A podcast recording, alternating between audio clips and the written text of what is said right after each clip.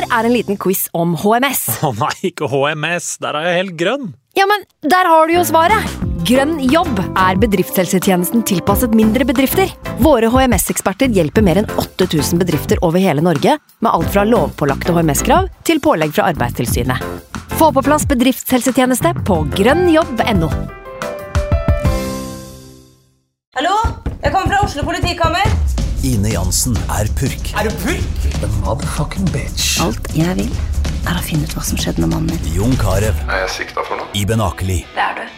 Ole So, Lars Berrum og Big Daddy Karsten. Hvem sin side er du på, egentlig? Anette Hoff, Tone Danielsen, Kommer du fra Afrika? Jørnis Josef, Nesten. Kløfta. Trond Espen Seim, Det er synd å si det, men det var feil mann som døde. Purk. Premiere tirsdag på TV2 Play.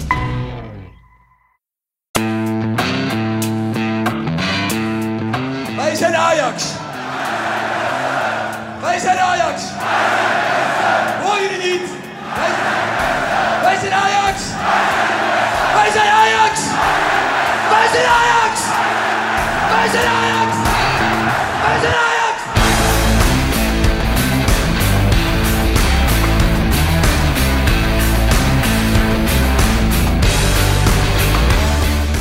En ny lente, en ny geluid.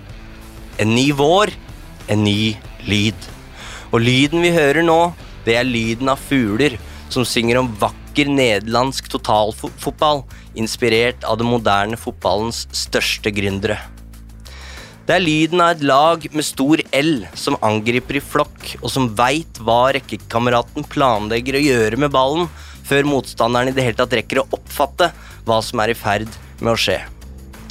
Det er lyden av føttene til unge talenter som spurter like fort framover som hjemover. Det er lyden av en verdensgigant som dundrer i bakken på Santiago Bernabeu. Det er lyden av applaus fra et kresent Amsterdam.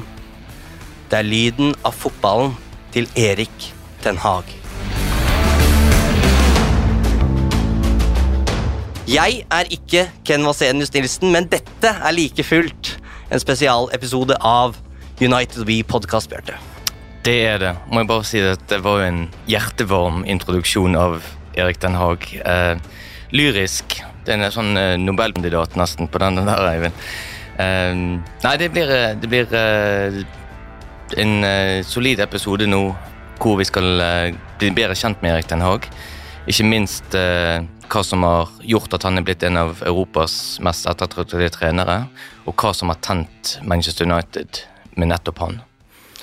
Og vi må klare oss uten piloten som egentlig lander disse episodene for oss. Vi må prøve å klare oss uten, uten Ken. Vi skal gjennom nederlandsk og tysk luftrom, og så får vi bare håpe at vi ikke roter oss bort på veien, og at vi finner flystripa i, i Manchester til slutt. Det, blir ikke så veldig mye mer nederlandsk poesi, det kan vi love. Um, det finnes haugevis med podkaster der ute. Um, den du hører på inkludert, uh, som har episoder om hva Erik Den Haag må gjøre i Manchester United. Um, vi skal se først og fremst bakover, uh, og det er noe med det at for å spå det som skal skje, så må vi skjønne hva som har skjedd. Og målet vårt her, Bjarte, er vel egentlig å Vi har prøvd å rett og slett samle alt det vi veit, og er å oppdrive om Erik Den Haag. Ikke bare fra tida i Ajax, men også i i Tvente og Go Ahead Eagles og under Pep Guardiola i Bayern München, og så putter vi det oppi en stor sil, og så skal vi prøve å få ut essensen av det i løpet av ja, de to, to neste timene. Og jeg, jeg mener at i løpet av de, de neste timene her så skal, så skal, du vite alt som er å vite om denne fotballmunken, og jeg har nesten lyst til å oppfordre folk til å arrestere oss på, arrestere oss på det hvis vi ikke klarer å levere på den garantien. Mm, ja, det er helt greit. Nei, det er jo, det er jo som du sier, Eivind, for å forstå hvorfor Manchester United angivelig ligger langflate for å sikre seg Erik Ten Haag, så må vi også forstå hva som har skapt treneren Erik Ten Haag, hvor det hele begynte, hvem som har inspirert han, hvorfor han har valgt eh, den filosofien han har valgt, hva er det som har gjort Ajax under hans ledelse så spesielt, eh, og hva kan han tilføre Manchester United? Historien om Erik den Haag den begynner i Haksbergen i Tvente-regionen. Vi, vi er vel ikke så gode i nederlandsk, noen av oss, Bjarte, så folk får leve med norsk uttale eh, resten ja, av spesialepisoden. Og så får vi heller si det at eh, etter hvert, når Erik den Haag har vært United-manager en stund, så, så får vi se om vi tilpasser oss. Men vi befinner jo oss her eh, på grensen til Tyskland. Mm. Eh, og det sies jo at Erik den Haag eh, som fotballtrener er like tysk som han er nederlandsk, eh, og det tror jeg vi skal ta med oss videre. Men i Tvente-regionen så er det mange nederlandske tradisjoner som jeg syns er verdt å nevne. Jeg har aldri smakt, smakt på, på ripsbrød før, men jeg har smakt grolsjøl. Eh, Oh, som, yes. eh, som kommer fra Tvente. Jeg har også motvillig smakt på Bitterdram, fernet, gammeldansk, Underberger. Det er sikkert mange som har vært på tur i Manchester og smakt på det greiene her. Um, og i Tvente så finnes det en lokal variant eh, som de er veldig stolte av. Eh, det finnes flere lokale varianter. Eh, og dette her kan sikkert Erik Den Haag fortelle mye mer om enn det vi kan, så vi, vi går videre fra det. Men Erik Den Haag kommer jo fra en forretningsfamilie, ikke en utprega fotball, eh, fotballfamilie. Um, han var ikke noe stort fotballtalent, men en fyr som var veldig læringsvillig, og det ble tydelig klart at dette er en fyr som uh, kommer til å bli fotballtrener. Så han spiller jo for et lokalt lag som heter Bond Boys, eh, og etter hvert så hentes den, hentes den til, eh, til Tvente-akademiet. Eh, mens brødrene, de går da i fotspora til faren og, og driver i dag det som er familiens eiendomsfirma i, i en skjede. Ja, og jeg har lyst til å stoppe litt opp akkurat der, for det du sier der, Eivind, er faktisk det første som slår meg med Erik Ten Hag som er litt spesielt, fordi at han kunne valgt den letteste veien. Han kunne blitt en del av familiebedriften, han kunne vært en eiendomsutvikler og tjent veldig gode penger på den eh, jobben der. Jeg visste at han hadde en trygg økonomisk fremtid, men det er ikke det han vil. Han vil bli fotballtrener, for han allerede fra en veldig ung alder eh, Du var inne på eh, barndomsklubben hans, Bond Boys. Vi har jo hørt historier om treneren som sendte ut tolvåringene på banen med en peptalk, spurte rett før de gikk ut er det noen som har noen spørsmål. Alltid en hund som kom i været. Det var Erik Den Haag. Han skulle spørre om noe hele tiden. Han skulle ha en meninger som gjerne gikk eh, på, på tvers av det som var på en måte det allmenne aksepterte flertallet. Eh, allerede der så blir spiren, tror jeg, til en trenerkarriere født. Og det er litt interessant å se på at han fra veldig ung alder av velger å gå sin egen vei. Og dette er jo noe vi ser også seinere i trenerkarrieren, at Erik Den Haag velger ikke minste motstands vei. Han, han tar ikke de enkle valgene nødvendigvis. Eh, og han legger jo opp eh, allerede som, eh, som 32-åring, eh, og allerede her kan vi jo da trekke paralleller til andre, andre trenere som vi skal snakke om seinere, også Thomas Tuchel, som, eh, som ble juniortrener som 26-åring i, i Stuttgart under Ragnhild, eh, og Julian Nagelsmann, som ble speider for nettopp Tuchel som 21-åring, og senere juniortrener i Hoffenheim som, som 23-åring. Og for Erik Den Haag så begynner jo trenerkarrieren i Tvente eh, under mentor Fred Rotten. Du nevner, eh, eh, du nevner Rotten der. Eh, han er en av mange trenere som blir en viktig inspirasjonskilde for Erik Den Haag. Og som du var inne på, Eivind, Erik Den Haag velger, eh, sånn jeg ser det, en vei der han kan eh, finne folk han kan lære av. Eh, Istedenfor nødvendigvis å velge den enkleste veien, så velger han den mest lærerike veien. Og det krever mot. Det, det, krever, det, krever en, eh, det krever en liten starbeis, sånn som vi var inne på tidligere. Du, du, eh, du, skal, være, du skal være tøff, altså. Hvis du, hvis du velger bevisst å gå for eh, de som kan utfordre deg, og de som på en måte kan tilføre deg noe. For det eh, Du stiller litt sånn på bar bakke mange ganger i møte med nye mennesker, men han er ikke redd for å ta til seg det som han, eh, han møter på underveis, og, og det tror jeg òg er mye av hemmeligheten til at han har utviklet sitt konsept og sin måte å spille fotball på, som har vært så eh, suksessfull. Hans første rolle er vel som en slags juniortrener i, i Tvente under, eh, under Rotten, men i 2008 så går da mentoren til Schalke og er jo der eh, bare for å knytte noen referanser til, eh, til hvor vi befinner oss i, i tidsbildet her, så er, det jo så er det jo fire år etter at eh, Ragnhild har vært i Schalke for første gang, eh, og tre, eh, tre år før Ragnhild er i, er i Schalke for andre gang og, Mm. og taper den semifinalen for, eh, for United, da. Eh, Men inn i Tvente så kommer det en fyr som vi eh, kjenner godt fra før, og som vi er helt sikre på hvordan navnet skal uttales, og det er Steve McLaren. And the Dutch taught me a whole new uh, football identity, way of playing, uh, philosophy. And I had to adapt and embrace that. Eh, det, det er jo et dristig valg av Tvente å gå for McLaren. Han er på en måte eh, avskiltet litt hjemme i hjemlandet. Eh, han har hatt en veldig dårlig periode som engelsk landslagsmanager. En veldig kontrover kontroversiell episode som eh, tid som ma- manager. Han mislykkes med å ta England til EM i 2008. Likevel så vil Tvente gi han muligheten.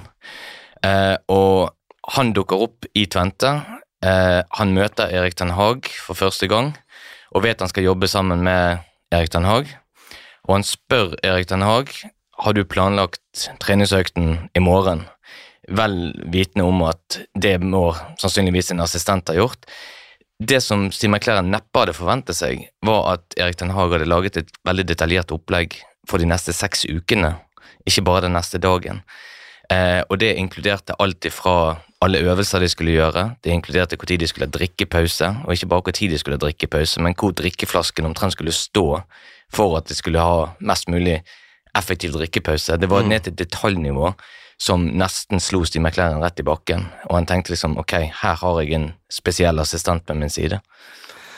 Og han oppdager jo også det underveis etter hvert her, McLaren, at dette er en talentfull trener, rett og slett. da. Eh, For noe av det han merker seg, er at Erik Den Haag har alltid svaret på hva de bør gjøre underveis i matchene for å endre eh, mot, eh, altså endre kampbildet og, og reagere på motstanderens trekk.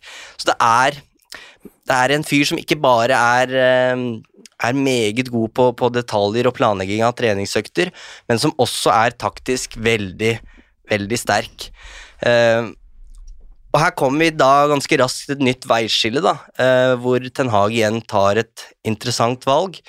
Eh, han kunne nok blitt værende i Tvente og fått jobben der på et tidspunkt, blitt Tvente-trener, i kraft av å være så, så dyktig som han er. Isteden så reiser han til PSV for å lære mer av eh, Fred Rutten, altså denne mentoren. Og den første trenerjobben den får han da først i 2012. eh, i Go Ahead Eagles. Vidunderlig navn. Jeg må bare si det. Det er, det er rett og slett nesten sånn at du har lyst til å ha et sånn second favorite team av navnet. Og der stifter han jo eh, bekjentskap med en fyr som eh, skal bli viktig også seinere. Det er jo eh, Mark Overmars som den tidligere Arsenal- og Barcelona-spilleren, annet Ajax-spilleren, som er sentral i Go Ahead Eagles, som ansetter Erik Ten Hag. Og det blir jo starten på en måte på et veldig spesielt forhold mellom de to, som senere da leder begge to til Ajax på et senere tidspunkt. Eh, men det blir jo en veldig suksessrik sesong, for han blir der bare i én sesong, men den sesongen leder han Go Ahead Eagles til opprykk. For første gang siden 1996, eh, og så gjør Erik Den Haag igjen et interessant eh, karrierevalg. For her kunne det jo blitt til Go Ahead Eagles, men i 2013 så går veien videre til Tyskland. Eh, der skal det stiftes bekjentskap med Pep Guardiola. Og igjen her så kunne nok eh, Ten Hag blitt værende i Nederland og fått en enda bedre jobb enn i Go Ahead Eagles. Eh, men han reiser altså heller til Bayern München eh, for å lede et lag på nivå fire i Tyskland. Eh, men han er nok ja, Enten så er han ekstremt heldig med timinga, eller så veit han nøyaktig hva han driver med. Det er klart Dette er en Pep Guardiola som har hatt enorm suksess med Barcelona. Eh, han har hatt sin break og kommer nyinspirert tilbake eh, med masse ideer. Og med Ten Hag som en, eh, ja, som en svamp, så får han jo på en måte oppleve Guardiolas transformasjon her fra den tikki-taka-fotballen vi kjente i Barcelona, til noe som er langt mer komplisert. Eh, og det begynte med disse bekkene som skulle opptre som midtbanespillere i angrep, eh, og det er noe vi kan se i det Ajax-laget Ten Hag nå har leda i, i, flere sesonger, at det er noe han har tatt med seg dit. Eh, Mario Götze skulle spille falsk nier.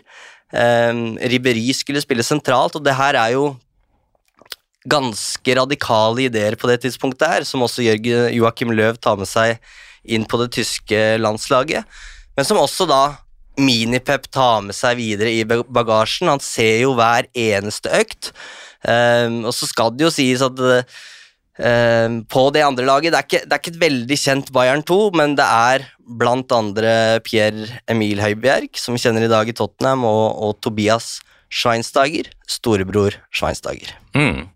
Um. og du, du, sa det at enten så var han veldig heldig med timingen, eller så var det et veldig bevisst valg. Uh, sånn jeg har lært å lære Erik Den Hag å kjenne, hvis vi kan si det sånn, så er jeg overbevist om at det var et veldig bevisst valg at han ville det.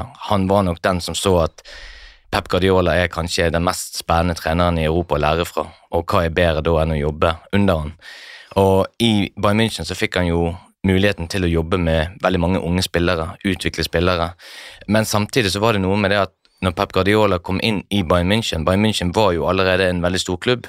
Ikke glem det at Bayern München under Louis van Gaals ledelse eh, hadde muligheten til å vinne The Trouble, men tapte Champions League-finalen for eh, Inter og José Mourinho. Eh, så det, det, var en stor klubb, de er alltid størst i Tyskland, men han kom likevel inn og snudde opp ned på veldig mange små detaljer. Blant annet eh, bare det å forklare til Bayern-spillerne at de var liksom 24 timers utøvere. Det var veldig vanlig at det var, det var tebrød og boller på bordet etter en treningsøkt, og det var bare under Guardiola så var det bare bannlyst. Jeg tror veldig mange sånne små detaljer eh, inspirerte Erik Den Haag i måten han skulle lede sine lag på seinere, med øye for detaljer, og hvor viktig detaljer er for helheten mm. samlet sett. Eh, og det, det, er jo ikke uten grunn at han fikk tilnavnet Minipep, eh, så han må jo ha brukt den tiden der i Tyskland ekstremt godt. Ja, og da blir det også feil, syns jeg, å kalle Erik Den Haag den klassiske Ajax-eleven. Mange gnir seg litt og tenker nå kommer Ajax-modellen til Old Trafford, og det er, nok, det er nok noe som stemmer i det, men det er jo en trener med et helt annet register enn f.eks. van Gaal. Eh, og med all respekt for det han og, og Cruyff, eh, Koman, de bor, men, men de, de, er på en måte Ajax trenere 100% Erik Den Haag eh, er jo på en måte en kokk som har besøkt det italienske, franske og tyske kjøkkenet, og så kombinerer han det han har lært i sitt eget kjøkken, tar med seg det vakre fra den nederlandske fotballen, og så smelter han det sammen med kraften i det tyske og ja, hva skal jeg si, eh, det taktiske da, til, til Pep Guardiola. Det er i hvert fall det vi sitter her og drømmer litt om nå, da, før eh, Erik Den Haag har leda sin første kamp som, som United-manager. Definitivt. Eh, og det er jo eh, Altså, man trenger jo bare se på måten Manchester City har spilt på under Pep Guardiola, eh, og så er det jo veldig mange som tenker at nå får vi det samme i, i Manchester United. Eh, det vil jo ikke skje over natten. City var jo en klubb som var mye bedre forberedt på Pep Guardiolas ankomst med tanke på hvilke spillere de hadde og hvordan klubben fremsto, enn det Manchester United egentlig er mm. forberedt på Erik Ten Hag. Eh, derfor så tror jeg at det kommer til å komme ganske store endringer ganske kjapt. Eh, det kan vi komme litt mer tilbake til seinere, men eh, det, jeg syns det er veldig interessant det valget som eh, Manchester United gjør, for det, at det de egentlig ansetter nå, føler jeg, er et ekstremt potensial. Eh, men eh, det, det, det, er ikke nok at bare treneren heter Erik Den Haag. Det er mange andre biter som må på plass for at dette skal bli suksess. Men det som du sier, altså det han, det han har gjort frem til han kommer til Old Trafford, den karriereveien der, det er noe som gjør meg optimistisk, og tror kommer til å gjøre veldig mange Manchester United-fans optimistiske, med tanke på at han eh, Mange snakker om at han kanskje kommer til å bli slukt av Manchester United hvis ikke ting går bra, hvis spillerstallen er misfornøyd og alt det der. Mm. Jeg tror han er vant til å stå i stormen, har vært vant til å ta tøffe valg tidligere eh, og kommer til å bli kommer til å takle det ganske bra i United òg. Vi har jo hatt et intervju på united.no eh, med, med, en som snakker om nettopp ja, detaljene i Erik Den Hags eh, treningsopplegg. Eh, storebror Schweinsteiger var en av spillerne til Ten Hag i, Bayern München 2, og det han sier om disse pasningsøvelsene på treningsfeltet der, det, det er interessant å høre på. we did so many passing drills and he was master of details he was always talking every pass he was coaching the first team they used one ball. We we needed a net of balls because we weren't perfect. But at the, at the end we were perfect. We do it with two balls or three balls. So and that was eric. He was very obsessed by details and, and Og det blei store endringer eh, i Utrecht da Erik Den Haag eh, kommer dit i 2015 med disse Guardiola-skissene under armen, eh, og det er jo her han setter den kunnskapen eller de erfaringene han har gjort seg i, i Tyskland spesielt, i, i praksis, og han er på en måte Det fortelles at han er her er enda mer ekstrem på detaljene, og dette blir jo jobben som til slutt gir en Ajax-jobben. Ajax-jobben. Mm. Han eh, eh, Hva skal du si? Han, han, han, kommer inn, og en ting som er eh, litt interessant eh, I nesten alle klubbene Erik Den Haag har kommet, kommet, inn i, enten det var i Go Ahead Eagles eller det var i Utrecht eller, eller eh, Ajax Innledningsvis så blir spillerne de får en litt sånn aha-opplevelse, men eh, de, møter en, de, møter en, tøff hverdag av en veldig kravstor trener som drar spillerne ut av komfortsonen for å utfordre dem, antageligvis slik han utfordrer seg sjøl, at dette ligger på en måte nedfelt i hans DNA.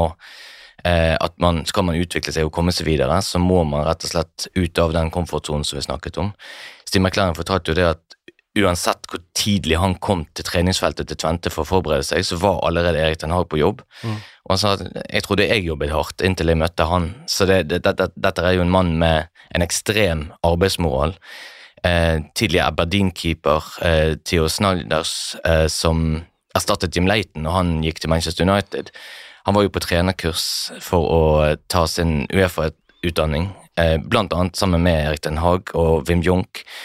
Og han sa det at alle vi var der egentlig for å lære, men Erik Den Hagan var to og tre steg foran oss allerede da. Vi mm. skulle i utgangspunktet være på det samme nivået, men det var ingen tvil om at han på en måte var kommet såpass mye lenger, både måten han tenkte fotball på og, og uttrykte seg. Så um, igjen, det, det som du sier, altså han, han, um, han må dra på en måte Utrecht ut av en sånn uh, komfortsone å, å utvikle klubben. Eh, både som manager og som sportsdirektør. Litt sånn vanskelig, eh, snodig kombinasjon kanskje å være to ting på én gang, men han løser jo den rollen.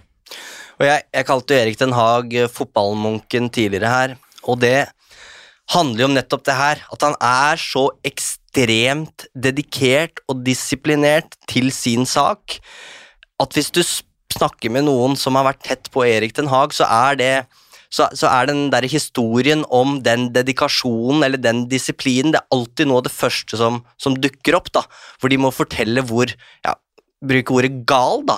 Erik mm. Den Haag er eh, etter eh, i, i, jakten på suksess som, som, trener. Og det er de her rutinene da, eh, som, eh, som, er så viktige for ham. Jeg tror han har blitt litt skada av Pep Guardiola, for å bruke det ordet. Um, det er sikkert mange som har sett den Eh, det klippet av Pep Guardiola på pressekonferanse der det ligger en del uh, telefoner på bordet foran som, uh, som, har på, på oppdageren. Og mens Guardiola får spørsmål, så driver han og, og, organiserer de telefonene, for de skal ligge på rad og rekke med millimeters presisjon. Da. Og det fortelles jo at på treningsfeltet med Erik Den Haag da skal alle bibs ligge i Altså alle bibs i samme farge skal ligge i samme haug, for å si det sånn, og alle, alle spillerne skal aller helst eh, bruke samme sokker. Altså det skal være Ting skal være eh, så på stell, da. Eh, og derfor er kontroll et, et stikkord her, syns jeg, som, som beskriver Erik Den Haag, at det er en fyr, det er en fotballtrener som alltid skal ha kontroll, og da snakker vi om både taktisk og også emosjonelt. Mm. Eh, vi får ikke inn en Mourinho eller van Gaal-karakter her, altså. Dette er en, en veldig, som jeg sier, dedikert og disiplinert fyr som sannsynligvis ville vært eh, alle intervjuer og pressekonferanser foruten. Alt støy rundt fotballen, det har han egentlig mest lyst til å eliminere. Han er interessert i fotballen og minner derfor veldig mye om, syns jeg, Pep Guardiola. Mm. Hvis du ser for deg en fotballkamp som et, som et stort kart, så, så Ten Hag kjenner alle stier, han kjenner alle topper, hindringer og snarveier.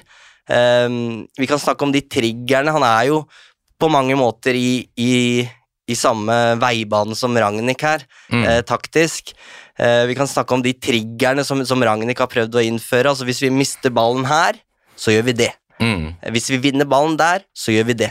Så det betyr at Ajax har veldig um, Eller lagene til, til Ten Hag har, har hatt veldig mange veier til rom. Mm. Uh, det er ikke sånn at de faller igjennom hvis, hvis plan A ikke fungerer. Uh, for han er så taktisk smart, som McLaren sier. Han hadde alltid en løsning. Mm. Hvis, hvis, hvis vi lå an til å tape, så ville Ten Hag kunne dra opp en, en, en løsning fra hatten sin som gjorde at vi klarte å, å, å endre på det. Um, og Irby Emanuelsson, som er en, en uh, back som spilte for, for Ten Hag, eh, han snakker annet om hvordan hvordan de kunne gå fra å spille 4-4-2 diamant, eh, som på en måte var utgangsposisjonen, til å lære seg å spille 5-3-2 på én uke for å slå akkurat den motstanderen de de skulle møte den helga.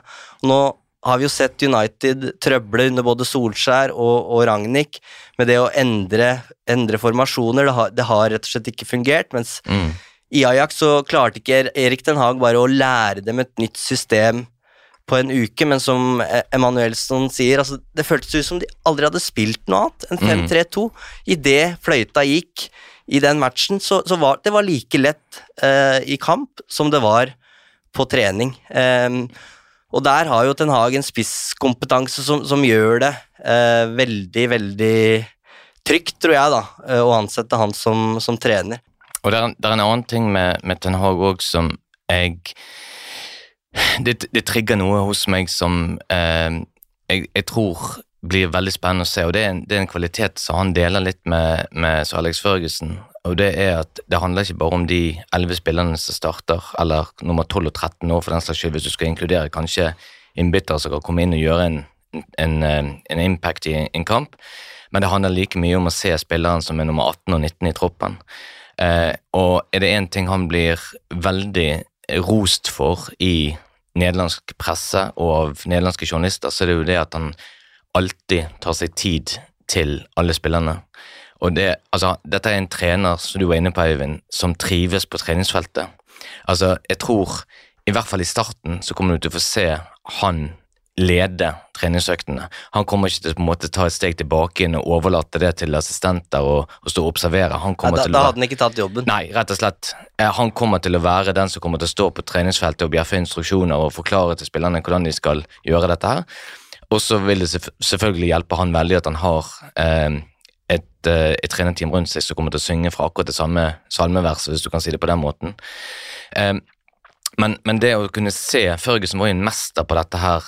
Hvis han på en måte skulle spille en ligakamp en onsdag, og så skulle det FA-cupkamp lørdag, så kunne han vrake en spiller.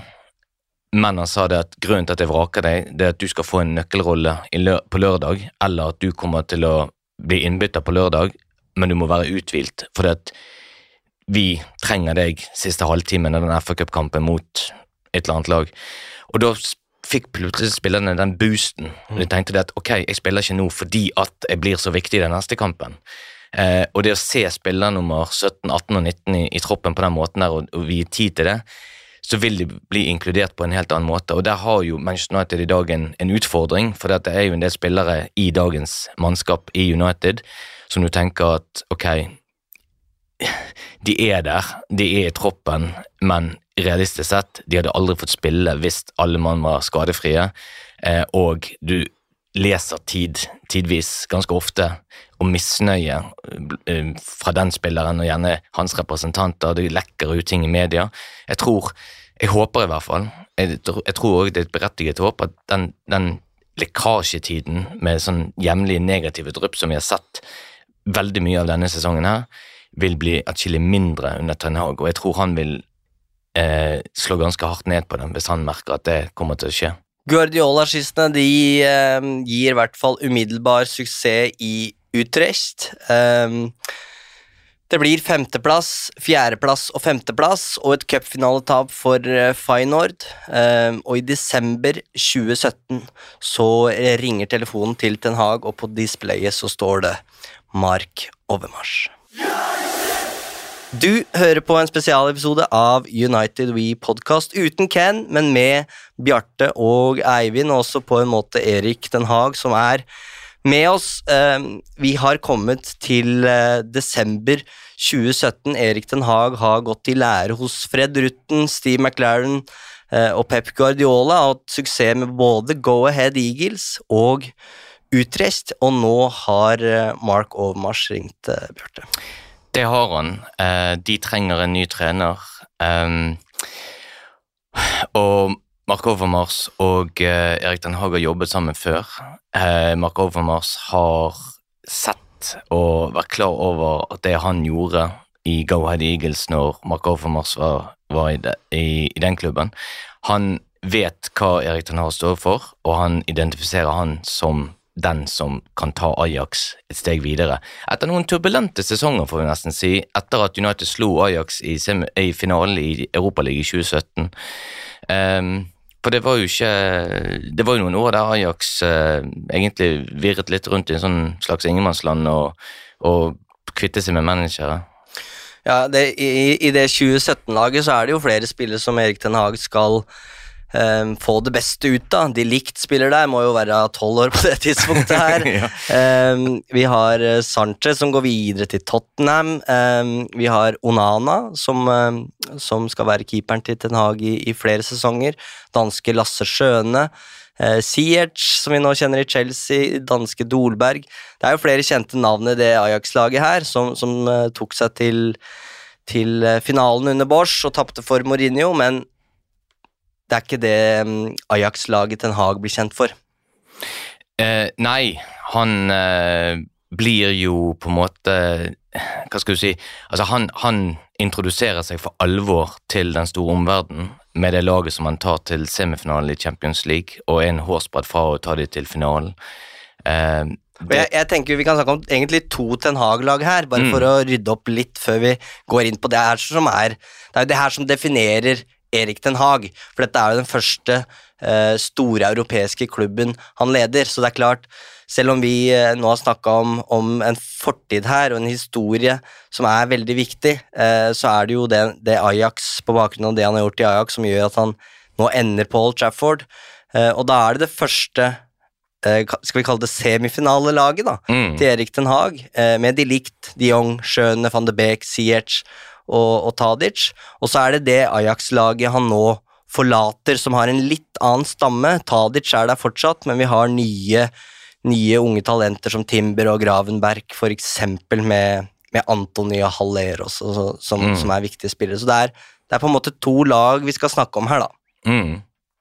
Og det, det som slår meg litt grann med, med Ten Hag, og du ser på begge de lagene der, det er jo at eh, snittalderen på laget er ganske ungt, men han bruker ofte eh, rutinerte og erfarne spillere, eh, gjerne i en i hver lagdel.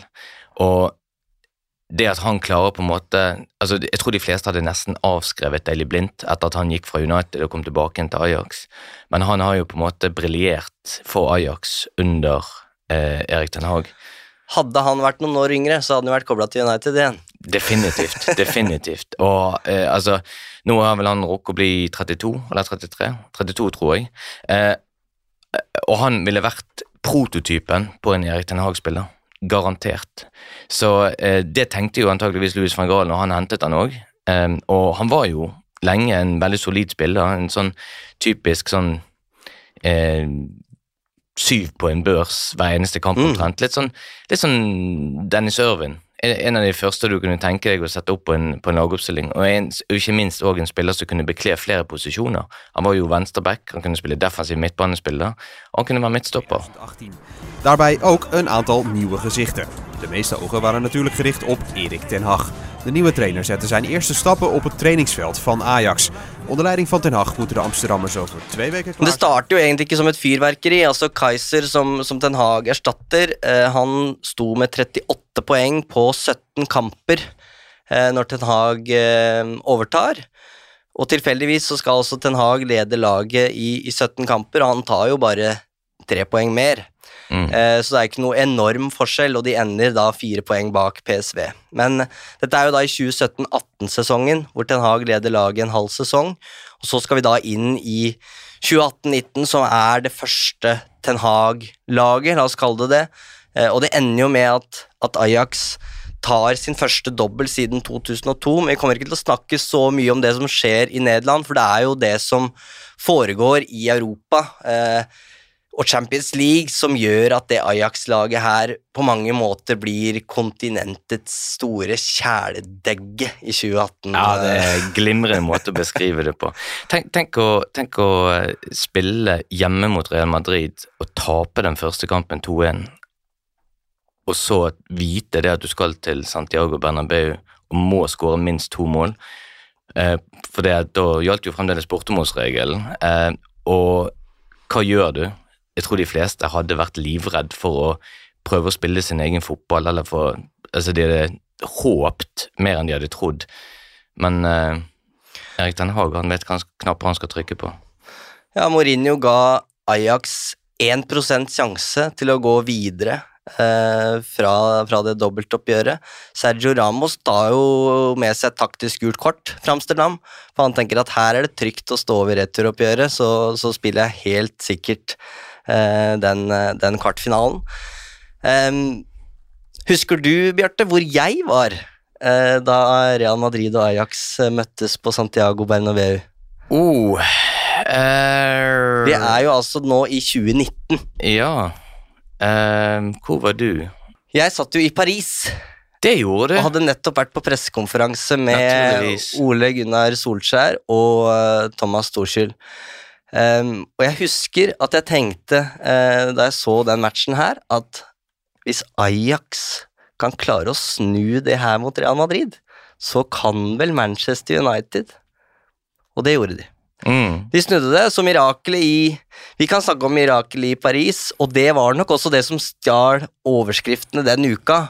Uh, men i Amsterdam så vil de jo snakke om mirakelet i Madrid. The champions fall. The champions are humiliated. Staggering, beyond staggering. An unfathomable result which will resonate across the continent as Real Madrid are knocked off their Champions League perch for the first time in four years. There will be a different name on the trophy. Who says it won't be the famous name of Ajax Amsterdam into the quarter-final? Etter kampen, som eh, Ajax vinner 4-1, så har de, de har jo ikke bare filleristet Real Madrid på hjemmebane i Spania, de har jo ydmyket de, avkledd de, og de gjør det med å spille sin fotball. Eh, og, og akkurat det som jeg sier der, altså de går rett i strupen på Real Madrid fra første stund. Eh, jeg tror aldri i livet at Real Madrid hadde forventet det i det hele tatt. Jeg tror rett og slett de blir sjokkerte av at Ajax tør å møte de i Spania, i Madrid, med den stilen.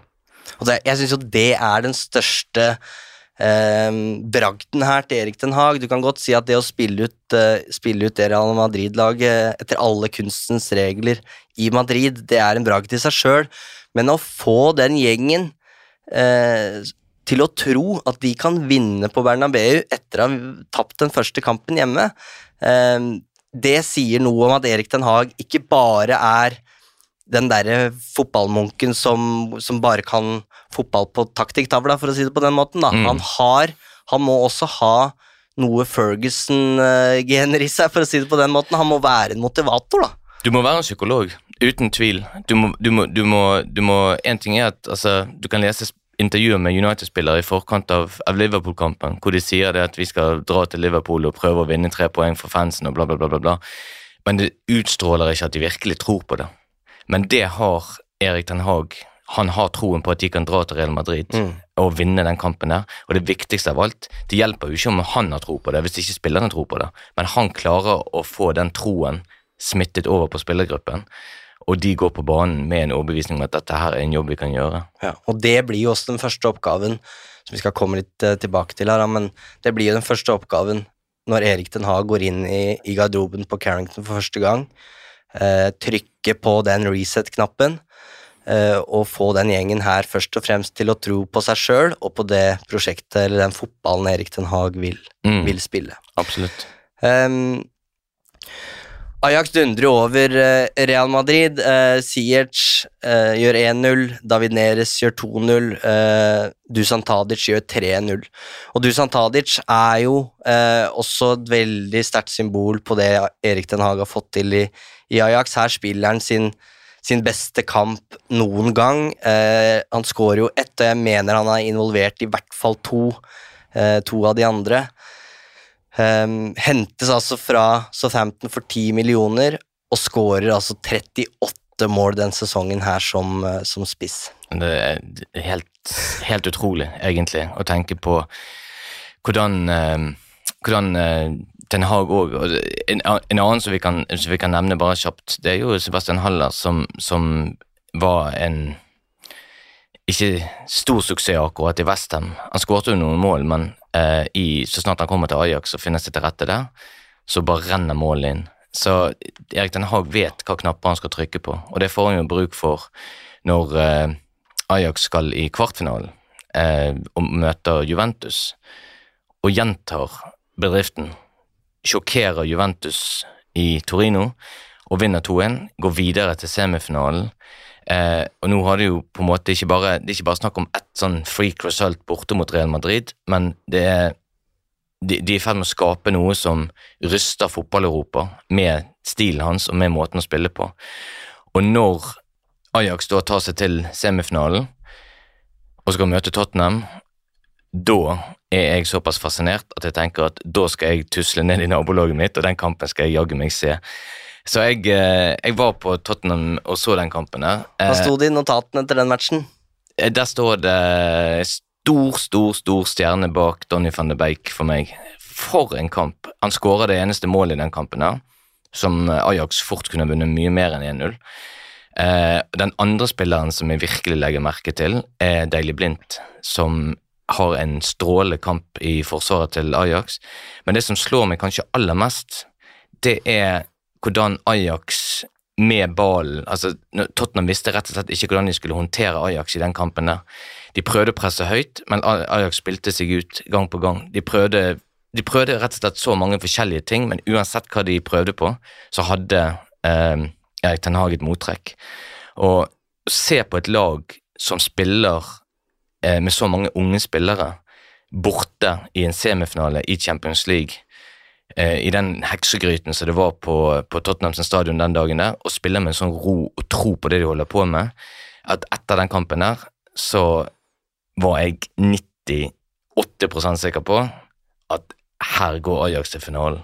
Garantert. Og jeg ble jo ikke mindre i den troen når de leder 2-0 hjemme, for å si det sånn. Ja, det er nydelig. Ingen offside. The Bay! 1-0 Ajax! Så iskaldt! 22 år gammel! En av disse juvelene som har tatt steget opp på den øverste scenen. En av disse talentene som er utviklet på akademiet. Det er komst. Framtiden! Framtiden er her og nå! Ajax leder 1-0 på Tottenham Hotspur Stadium. Og den kampen der, og også, også de matchene mot, mot Real Madrid og Juventus, eh, det syns jeg på en måte definerer egentlig det Erik Ten Hag har gjort i, i Ajax. Altså han, han, er, han sier jo sjøl, når han blir, blir ansatt, at alle trenere vil det samme. De vil ha et lag som huskes om 20 år. Mm. Ehm, og den eneste måten å, å gjøre det på, sier Ten Hag, det er å implementere en filosofi, eh, sånn som Cruyff og van Gaal hadde. Mm. og jeg mener jo at i de matchene her så svarer han jo på en måte på sitt eget eh, Ikke et spørsmål, da, men han, han, eh, han leverer på det han, eh, han sier etter ansettelsen. Han bringer jo her Ajax inn i den moderne fotballen, og han bryter jo på en måte med Ajax-tradisjonen, for vertikal fotball og press blir viktigere enn 4-3-3 og possession, som det alltid har vært i Ajax. Og skal du bryte den eh, tradisjonen i, i Amsterdam, så skal du vite hva du driver med, for da settes du under et voldsomt press. Um, men Erik Den Haag er jo han, han, lykkes jo veldig raskt med de grepa han gjør. Eh, og på den måten så vil jeg si at han, han bringer jo på en måte den moderne fotballen uh, til Amsterdam. Um, og det begynte vel kanskje med, med Peter Bosch, som, som, var den første, tror jeg, Ajax-treneren som ikke hadde en, en tidligere spillerkarriere i, i klubben. Eh, men det er jo Erik Den Haag som, som lykkes med det. Eh, og bare for å trekke fram noen tall fra Champions League den, den sesongen her eh, På XG-tabellen så, så, var Og da snakker vi gruppespillet, da. Så er eh, Ten Hag kun slått av ett lag, og det er City. Mm. Eh, på ballinnhav i siste tredel kun slått av Chelsea. På press, mange måter å måle press på, vi skal ikke gå inn på det, men kun slått av Chelsea, like bra som Liverpool. Så Ten Hag leverer jo altså på samme nivå som Guardiola, Tuschel og Klopp. Altså, Erik Ten Hag gjør noe med det Ajax-laget der som jeg tror du kalte det, de blir Europas kjæledegger, og det tror jeg, det var akkurat det de ble. Og samtidig så tror jeg det at eh, kanskje dette er en liten svakhet hos han som man må justere som trener i Premier League, nemlig det at når du har vunnet den første kampen borte mot eh, Tottenham, og du leder 2-0 hjemme, da er det på tide å stenge butikken. Men det du ser, det er at han vil fortsette å angripe, han vil fortsette å spille med sin identitet, og det koster jo på en måte eh, Ajax plassen i finalen. For når Tottenham får blod på tann, får en redusering og får 2-2, da går på en måte Ajax litt opp i limingen. Og det og hva skal du si, Når du er i Manchester United, hvis du leder 1-0 altså Det handler om å ta de der uh, ugly wins av og til på bortebane. I hvert fall i en semifinale. I hvert fall i en semifinale, For da har du på en måte ikke noe sikkerhetsnett rundt deg. sant? Altså du, Hvis du er kommet, hvis du er kommet uh, 90% over Niagarafossen på slakk linje, så begynner ikke du å danse de siste ti meterne bare liksom for å utsette deg selv for større risiko. Og um, det, det tror jeg kommer til å bli en utfordring for han i i, uh, i Manchester United. Det der å, å, kunne på en måte spille på et resultat, uh, det har kanskje ikke vært hans måte å gjøre ting på. Nei, og det, og det var også det vi så nå den sesongen her, hvor Ajax, altså, som jeg var innom, tar, har enorme tall i gruppespillet. De tar mm. 18 av 18 mulige poeng i, i, sin gruppe. Jeg vet ikke når Manchester United sist gjorde det. Uh, Nei, det var et godt spørsmål. Um. Men når det virkelig gjelder, og de da Altså, de slår jo blant annet Dortmund 4-0 og 3-1, mm. eh, men når det da virkelig gjelder mot, mot, Benfica, så ryker de jo ganske overraskende ut, og da er det jo nettopp det du snakker om som, som mangler. Mm. Det er den kynismen. Bare mm. stenge, drepe kampen, fordi det Ajax-laget er bedre enn Benfica, men uh, ganske kyniske portugisere klarer på en eller annen måte å, å slå det Ajax-laget, og det, vel, det, står vel kanskje igjen som den største skuffelsen eh, til Erik Den Haag i, i, Ajax. Ja, det tror jeg. Det tror jeg. Jeg tror eh, For en gangs skyld så kan du snakke om at Ajax var på en måte ikke underdogs i utslagsspillet i, eh, i Champions League. De var favoritter, klare favoritter til å gå videre fra den kampen. Og Så vet vi det at Benfica viste jo på Anfield at de, de kan spille fotball. Eh, Riktignok stilte Liverpool ganske redusert i den kampen, siden de hadde vunnet den første treen borte. Eh, så det er ikke et dårlig Benfica-lag, men alle, jeg tror Hvis du skulle satt en favoritt i den kampen mellom Ajax og Benfica, så hadde du satt pengene dine på Ajax. I'm of course uh, sitting a, a coach who is very disappointed. Uh, disappointed about this result, not only today but also for two weeks ago. Det blir altså ikke finale på Erik Ten Hag. Eh, Det er Tottenham som eh, tar seg til, til Champions League-finalen takket være Lucas Mora, som skårer eh, hat trick i Amsterdam. Den siste skåringa kommer seks minutter på overtid. Um, så kanskje det her er vel strengt tatt den største skuffelsen. Ehm, men, men, men den Benfica-kampen er nok kanskje den mest skuffende matchen, fordi dette er jo en kamp som, som Ajax taper 3-2 for, for Tottenham, og de henger jo på en måte med. Her er det en, en, en nerve, og det er jo egentlig Tottenham som var forhåndsfavoritt før den matchen her. Eh, men at de ikke når den finalen her, det sitter nok eh, dypt i Erik Den Haag fortsatt en dag i dag. Ja, det vil jeg tro. Og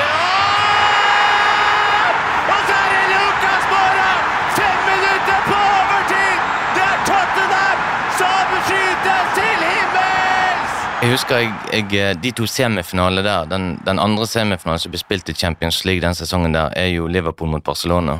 Eh, og Barcelona gjør jo det samme mot Liverpool som de gjorde mot Manchester United, nemlig vinner 3-0 hjemme.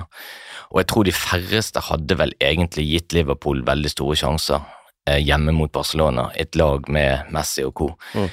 Og så går Liverpool rett i strupen på dem og vinner 4-0 hjemme i et vanvittig comeback. Eh, men som jeg alltid har sagt siden, hadde jeg vært Barcelona-trener den gangen der, det var vel Valverde som var, Barcelona-trener der, så tror jeg jeg hadde æreskjelt spillerne mine én etter én. For et rutinert Barcelona-lag skal ikke tape 4-0 når du vet du har 3-0 å gå på for første kamp. Det burde du jo klart å sette ut. Du burde klart å eh, ta den kampen hjem og, og kvalifisere det til finalen. Når det gjelder Ajax, med så mange unge spillere, så hadde jeg gjort det helt motsatt. Jeg hadde lagt en arm rundt skulderen på hver eneste spiller og sagt at dere kommer til å få sjansen igjen, eh, og prøvd å bygge de opp. Fordi at den skuffelsen, når du leder 3-0 sammenlagt, og vet at Tottenham trenger tre skåringer for å snu dette, og så klarer de det faktisk. Det må være liksom den ultimate nedturen. Så ehm, du, kan, du kan jo si det sånn, det kunne jo blitt en vanvittig hangover for Ajax, men eh, Erik Tannehagen Hag liksom opp igjen på hesten og fortsetter på samme måte eh, og utvikler laget sitt videre. Og eh, det er hans måte å gjøre, gjøre det på. Det er hans måte å spille fotball på. Den skal på en måte bli eh, Ja, han, han vil ikke gå på kompromiss med det, da. I think they did terrific. Uh, we direct reacted from the bench. We brought two new players on. We, we played then a back four and, and a diamond. Uh, and we leave the center backs, we let them free. And, and then uh, also we, we go for attack. Uh, we were composed on the ball.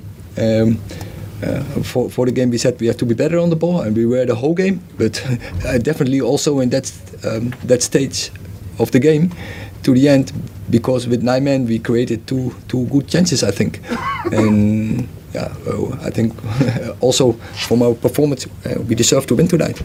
For Erik Den Haag, han slår jo tilbake, men ikke umiddelbart. Nå befinner vi oss i 2019-20-sesongen, også kjent som koronasesongen, og da deles det ikke ut noen tittel i Nederland. Um, I Champions League så, så ryker Ajax ut av gruppespillet mot Valencia og Chelsea, og de ryker siden ut mot uh, Getafe i Europa League, så det er jo et steg tilbake uh, for Erik Den Haag etter det bitre semifinaletapet for, for eh, Tottenham, men i, i 2021-sesongen så slår de tilbake med en ny dobbel. Uh, I gruppespillet så ryker de ut mot uh, Liverpool og Atlant Atalanta, og slår bare Midtjylland i, i Champions League.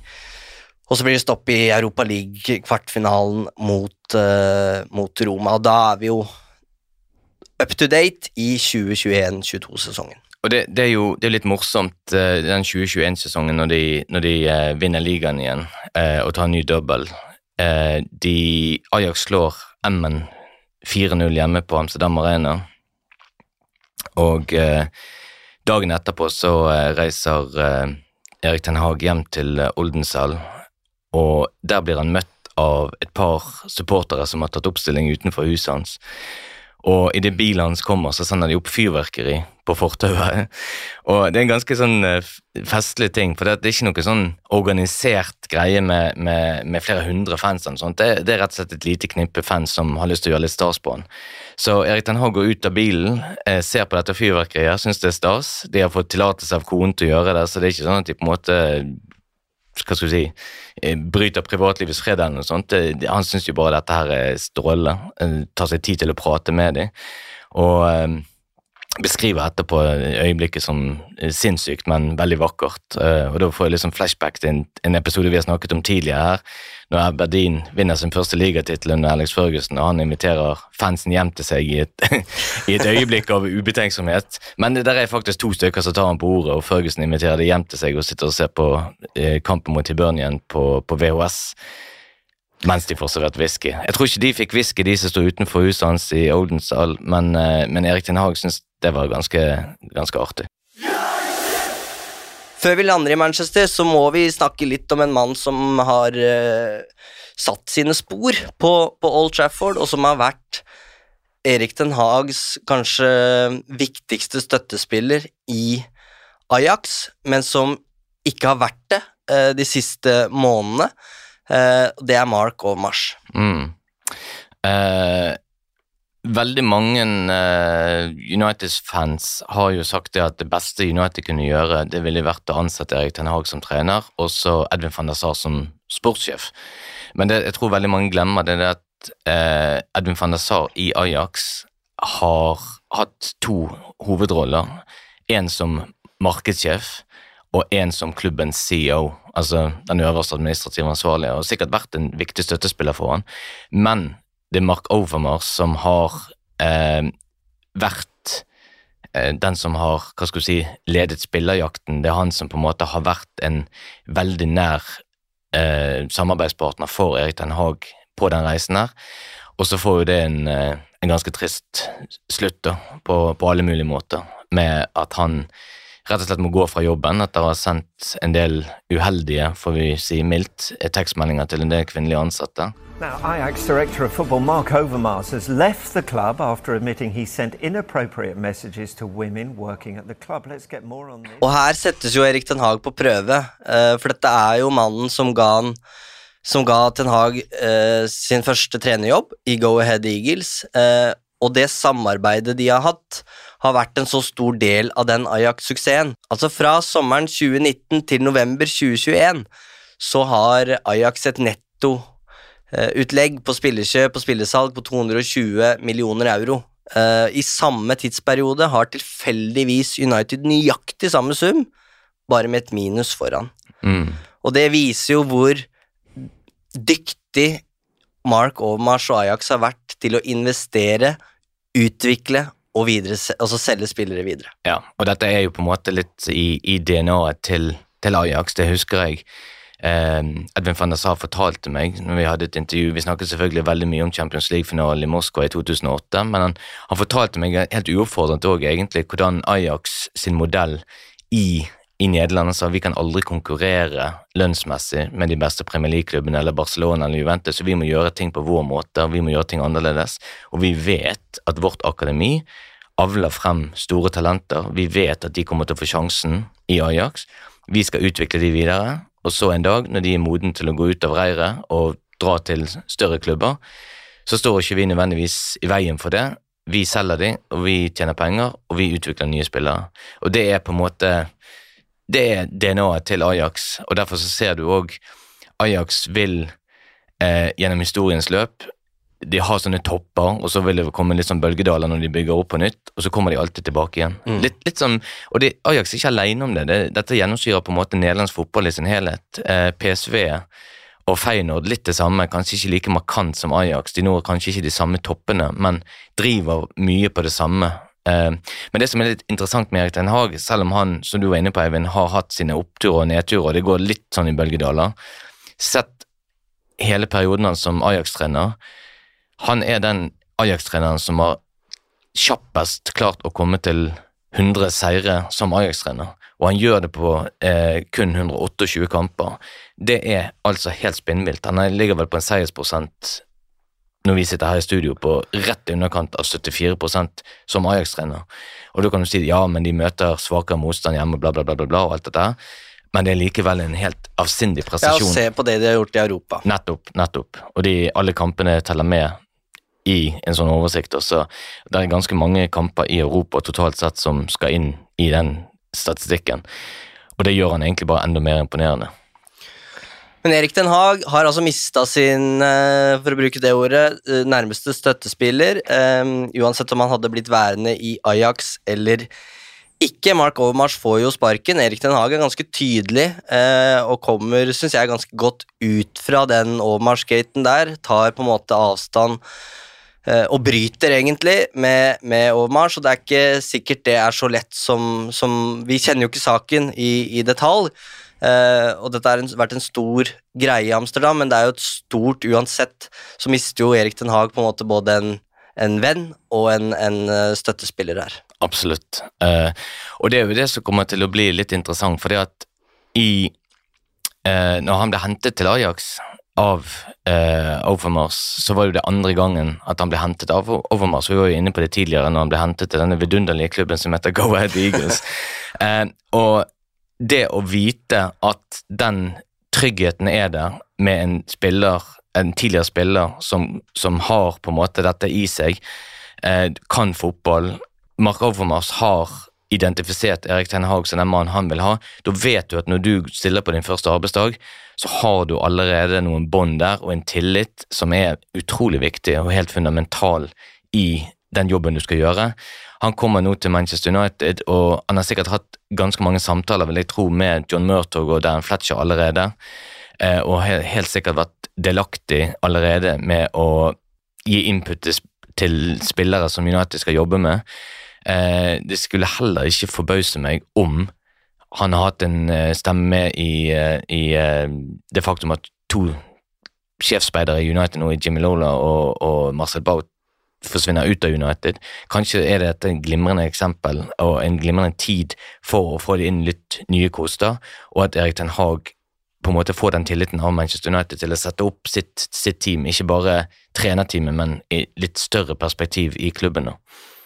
Og med det så går vi inn for landing, vi, i eh, Manchester.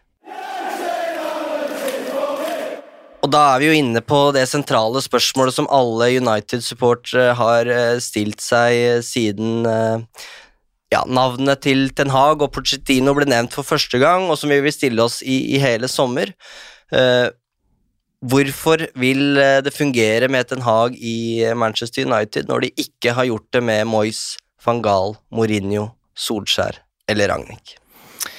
Um, det er jo den drømmen om at vi skal på en måte få en liten sånn eh, blueprint av det han har bygget opp i Ajax, og, og, og, og ta med seg den filosofien til Manchester United, bare i et enda større perspektiv, i en større klubb.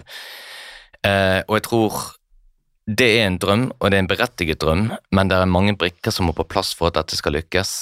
Det handler ikke bare om Altså, eh, René Møllenstein sa jo til oss eh, i United-supporteren at kanskje så mye som 80% av denne United-stallen i dag måtte byttes ut i løpet av de nærmeste årene. Jeg tror vi kommer til å stå foran store endringer i United. En del av de kommer til å komme naturlig, for det er spillere som er på utgående kontrakter, så de kommer til å forsvinne. Men Erik Den Haag vil nok òg ha veldig klare ideer om hvilke type spillere han vil, vil bringe inn, og så vil han bruke, tror jeg, denne sommeren her og og deler av neste sesong på å se hvilke av de spillerne som man vet i utgangspunktet kan, eh, kan ha et mye høyere toppnivå enn det de har spilt på.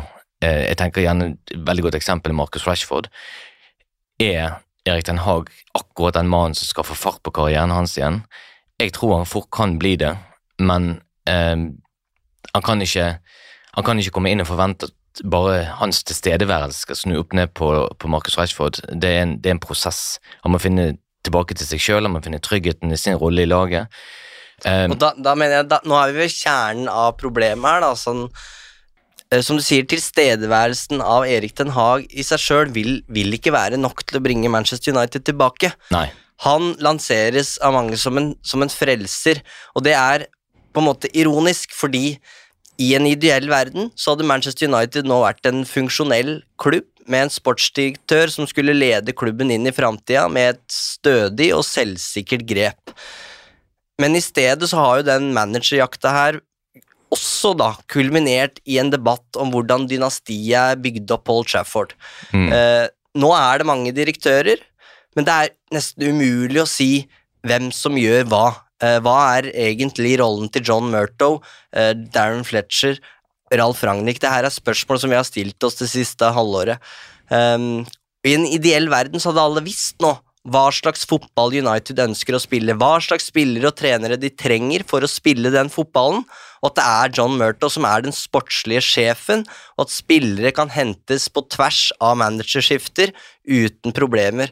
I stedet så er realiteten at Erik Den Haag i forhandlingene med United setter noen krav Mm. til hva som skal skje for at han skal eh, bli manager, United-manager de neste fire åra.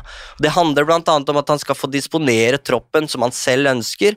Eh, han skal få velge hvem han vil samarbeide med, ref. Eh, Mark Overmars, og han skal involveres i rek rekrutteringsarbeidet. Og det handler jo rett og slett om at han ikke stoler helt på strukturen i Manchester United, sånn som jeg tolker det. Mm. Derfor blir klassikeren da i, i eh, i supportermiljøet de siste ukene, når du får spørsmålet har du trua på Erik Den Haag som ny United-manager. Ja, hvis han får tid til å bygge opp det han hadde i Ajax, og får hente de spillerne han trenger, så, så har jeg trua på, trua på Ten Hag. Men det er ikke sånn det skulle vært. Vi skulle ikke trengt en ny frelser. Den, da er vi på en måte tilbake på startstreken, der alt håp legges i den ene manageren. Mm. Så vår frelser skulle vært John Murtow, eller Ja. det skulle vært Ralf Ragnhild, hvis alt hadde gått etter planen. Og da skulle alt ligge til rette for at Ten Hag skulle kommet inn, og han skulle nesten på dag én kunne gått inn på treningsfeltet og begynt å hva skal jeg si, legge fram Guardiola-skistene sine og begynt å, å, å terpe pasningsøvelser. Ja. Um, men det er ikke realiteten. Ten Hag og resten av verden ser at United strever med å finne sin måte å drive fotballklubb på. Det er ikke bare å komme fra Ajax og kopiere det som har, som har blitt gjort der. Um, og der ligger den største usikkerheten, uh, syns jeg. Ikke hos Den Haag, men hos Manchester United. Uh, jeg er litt spent, men jeg er òg litt forsiktig optimist, fordi at hvis vi går tilbake igjen til Ferguson-tiden, da, når Ferguson og David Gill styrte kjappen på Old Trafford, i realiteten, det var de to som bestemte det aller meste.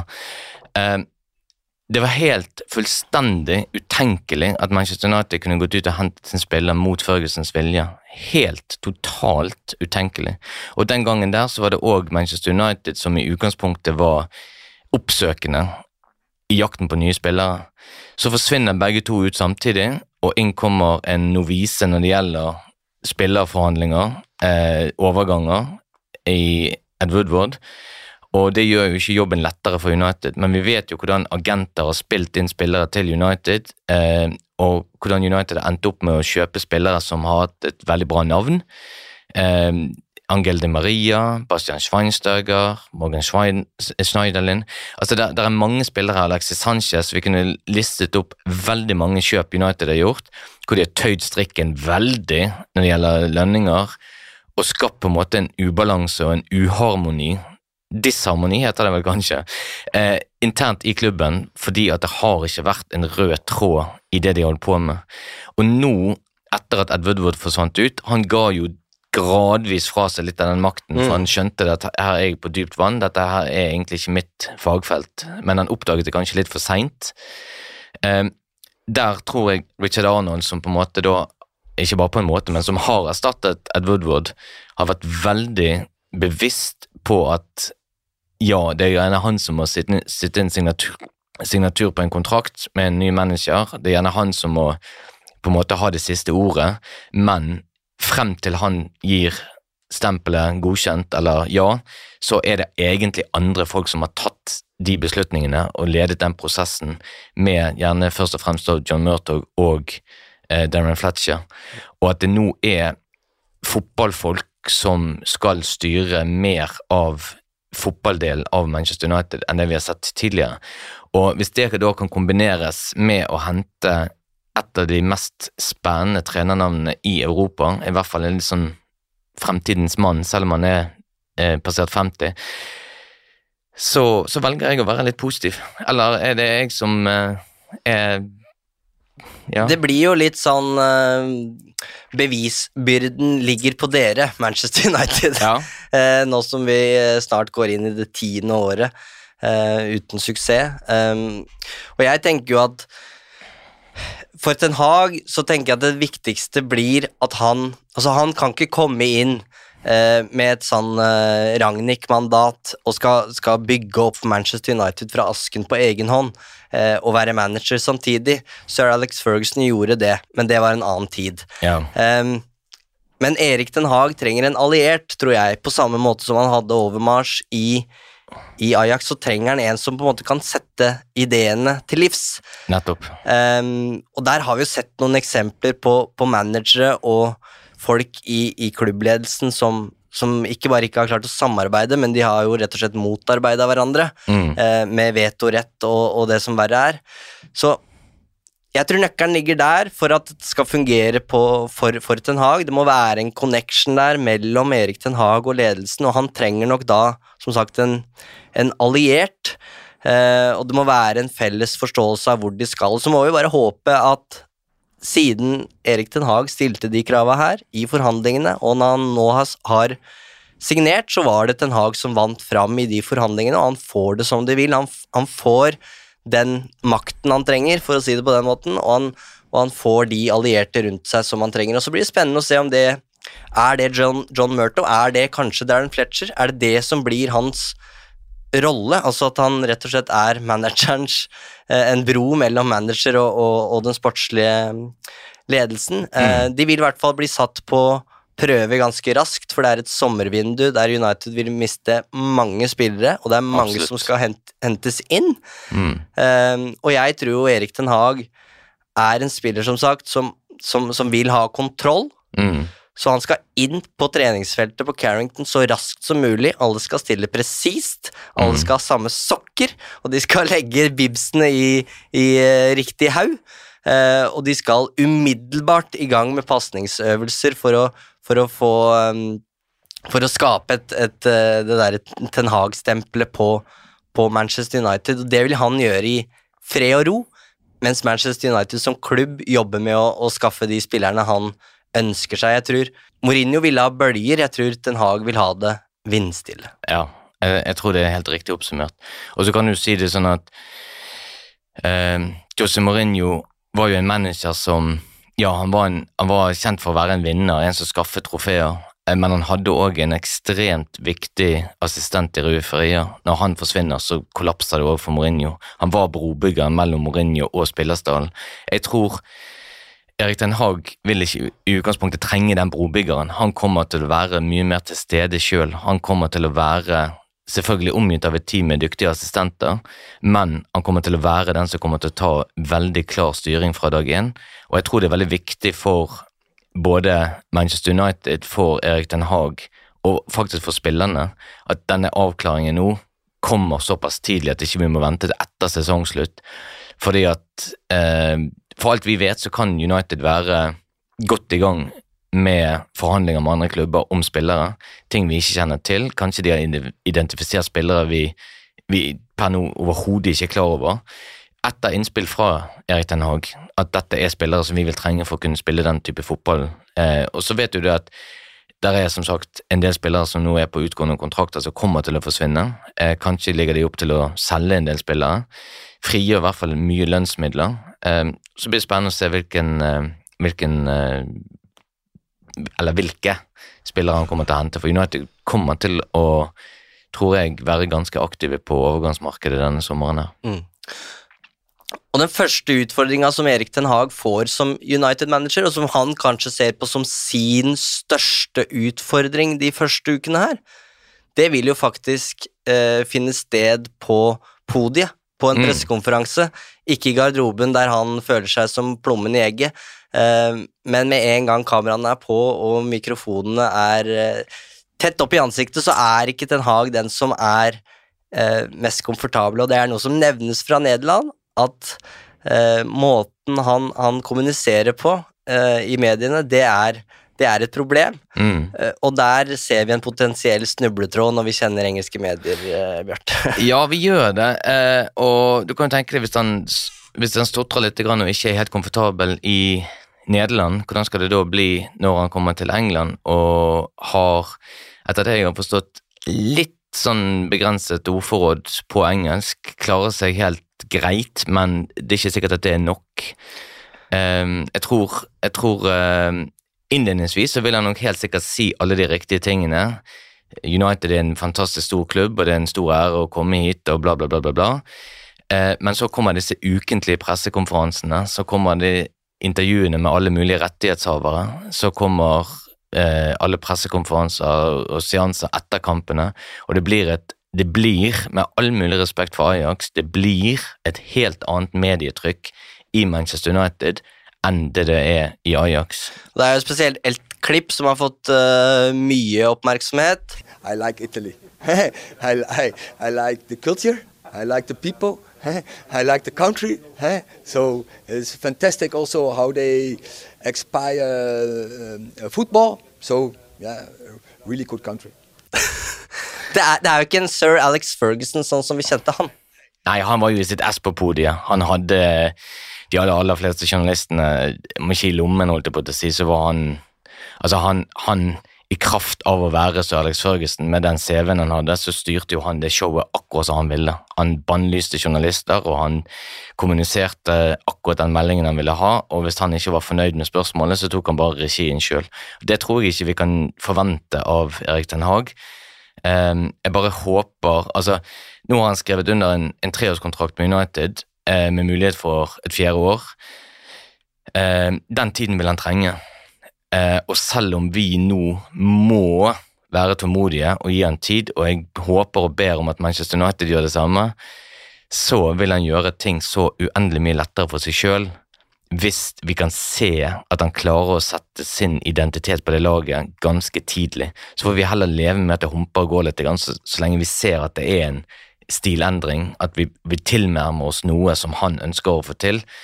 Eh, for hvis han på en måte, i tillegg til å slite internt med å få laget til å spille den fotball som han vil, og skal håndtere det monsteret som kommer i form av engelsk media og det presset som kan ligge der. Vi husker jo alle hvordan, eh, når Solskjær kom inn, hvordan han imponerte vanvittig på de første pressekonferansene med å si alle de rette tingene, bygge opp selvtilliten til spillerne, bygge opp igjen klubben og bare snakke liksom positivt hele veien. Men når resultatene virkelig begynte å bytte imot eh, denne sesongen her og i høst, så ble han på en måte liksom fritt vilt og hang litt i tauene. Eh, og selv de, de dyktigste managerne i England kan gjøre det når hva skal vi si, dette monsteret, hvis du kan snakke om våre kollegaer i England på den måten der, men vi vet hvordan engelsk presse eh, når de lukter blod, så, eh, så er de der. Ja, og jeg, jeg, syns, jeg husker at både Guardiola og Klopp i begynnelsen i England de, de trengte faktisk litt tid på å tilpasse seg eh, hvordan engelske medier fungerer. Eh, de måtte endre seg litt fra hvordan de opererte i, i Tyskland, og det må helt sikkert Erik Den Haag gjøre også. Eh, selv om Amsterdam-pressen visstnok også er ganske kritisk, da.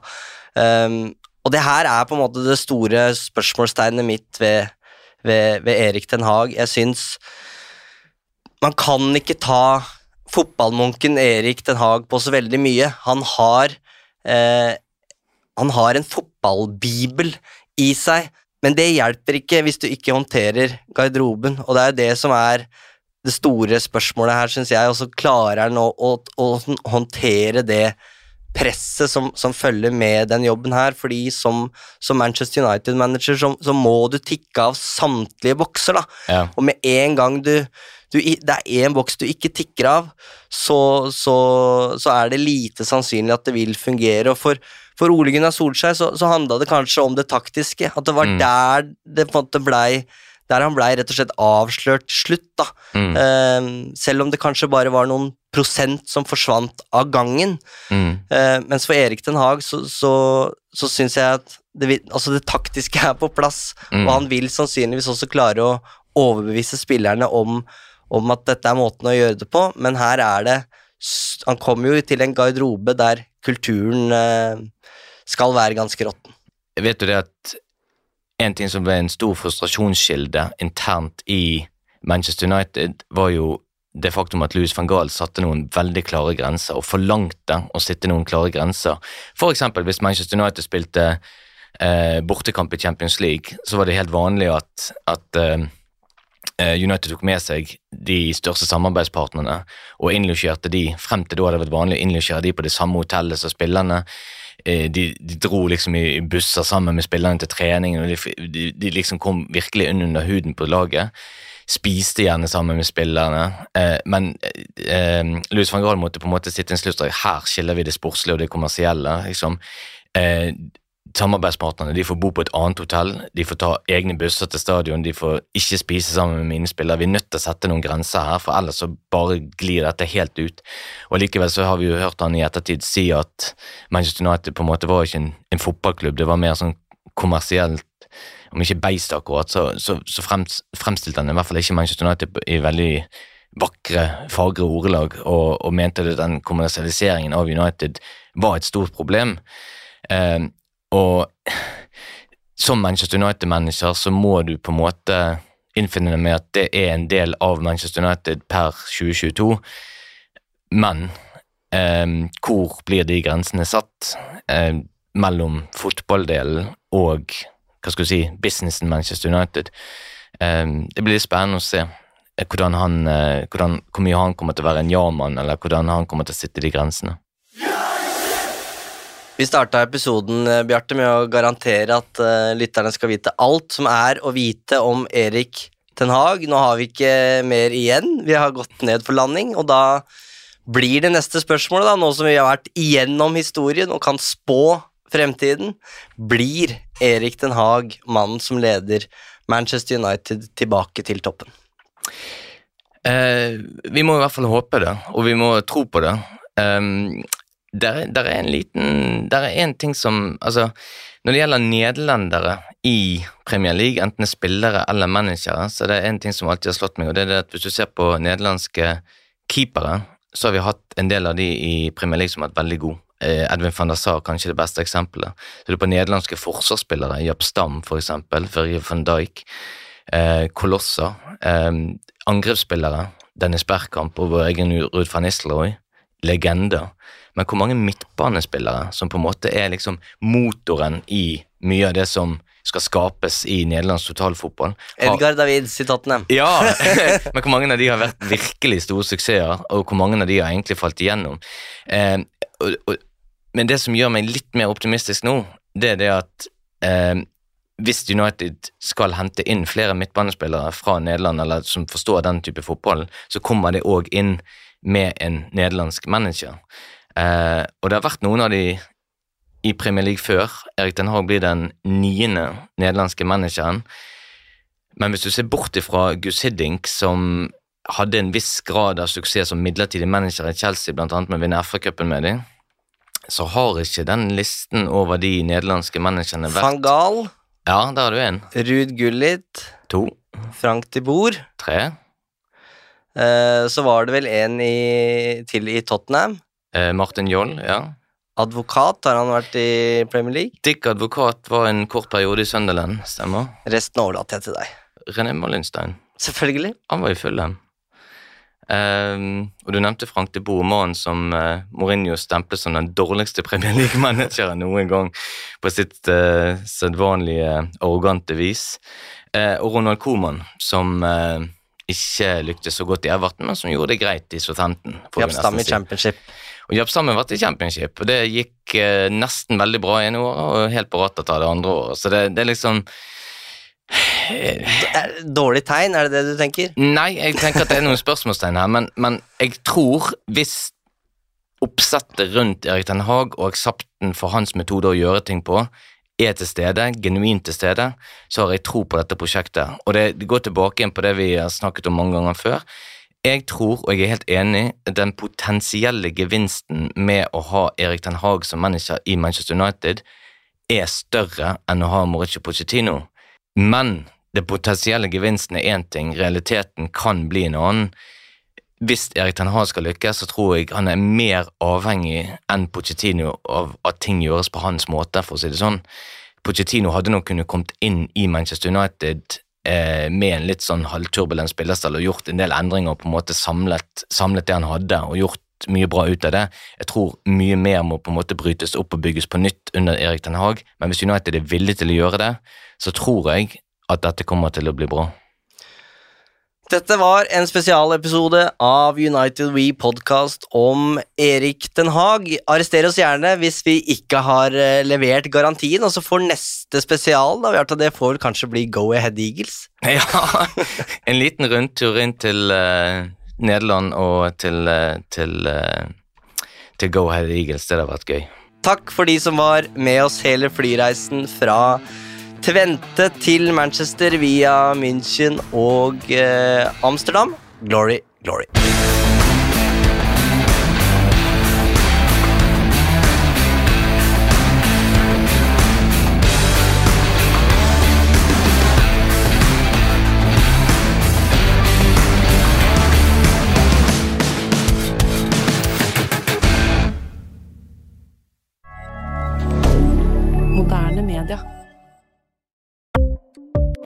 Ukens annonsør det er matkasseleverandøren Hello Fresh.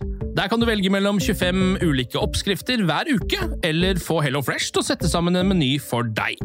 Jeg sparer tid på å handle, oppskriftene er veldig enkle å lage, og så får jeg akkurat det jeg trenger da, til hver eneste rett, så jeg slipper å kaste så mye mat som jeg vanligvis gjør. Det er også litt deilig å faktisk slippe å gå på butikken, ikke bare fordi det er tidkrevende og sånn, men fordi man ender opp med å kjøpe så mye greier som man egentlig ikke trenger, sånn som fire poser eh, Smash og en kick med havsalt, eksempel. Det er ikke det du egentlig er der for, du er der for å kjøpe, kjøpe middag.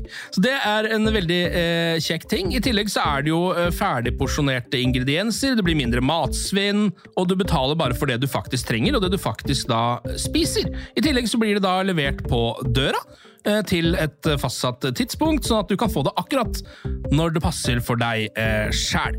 Hvis Hello Fresh høres ut som noe for deg, så har jeg en rabattkode du kan bruke også. Gå inn på hellofresh.no og bruk koden HelloUnited24. HelloUnited i ett ord, også 24, og få opptil 1779 kroner i rabatt på de fem første matkassene dine hvis du ikke har prøvd Hello Fresh ennå. Du kan også bruke koden hvis du tidligere har vært kunde, men har stoppa abonnementet ditt for tolv måneder siden eller mer. Det er ingen bindingstid, og du kan pause eller avslutte abonnementet ditt akkurat når du selv måtte ønske. Husk koden HelloUnited24, og bon appétit! Ukens annonsør er Folio, en smartere banktjeneste for deg som har en egen bedrift eller ønsker å starte for deg selv. Folio er en superenkel nettbank for bedrifter. Som kunde i Folio får du en bedriftskonto med et bedriftskort og app. I denne appen er det smarte løsninger som forenkler regnskapet ditt, uansett om du har en liten bedrift eller et enkeltpersonsforetak. Folio er både intuitivt og brukervennlig, og er laget med et enkelt språk. I tillegg tilbyr de forutsigbare priser og ingen skjulte gebyrer. Skulle du likevel trenge det, så kan du snakke med deres raske og hyggelige kundeservice, og der får du prate med en faktisk person og ikke en chatbot. Folio er med andre ord både enklere og koseligere enn banken.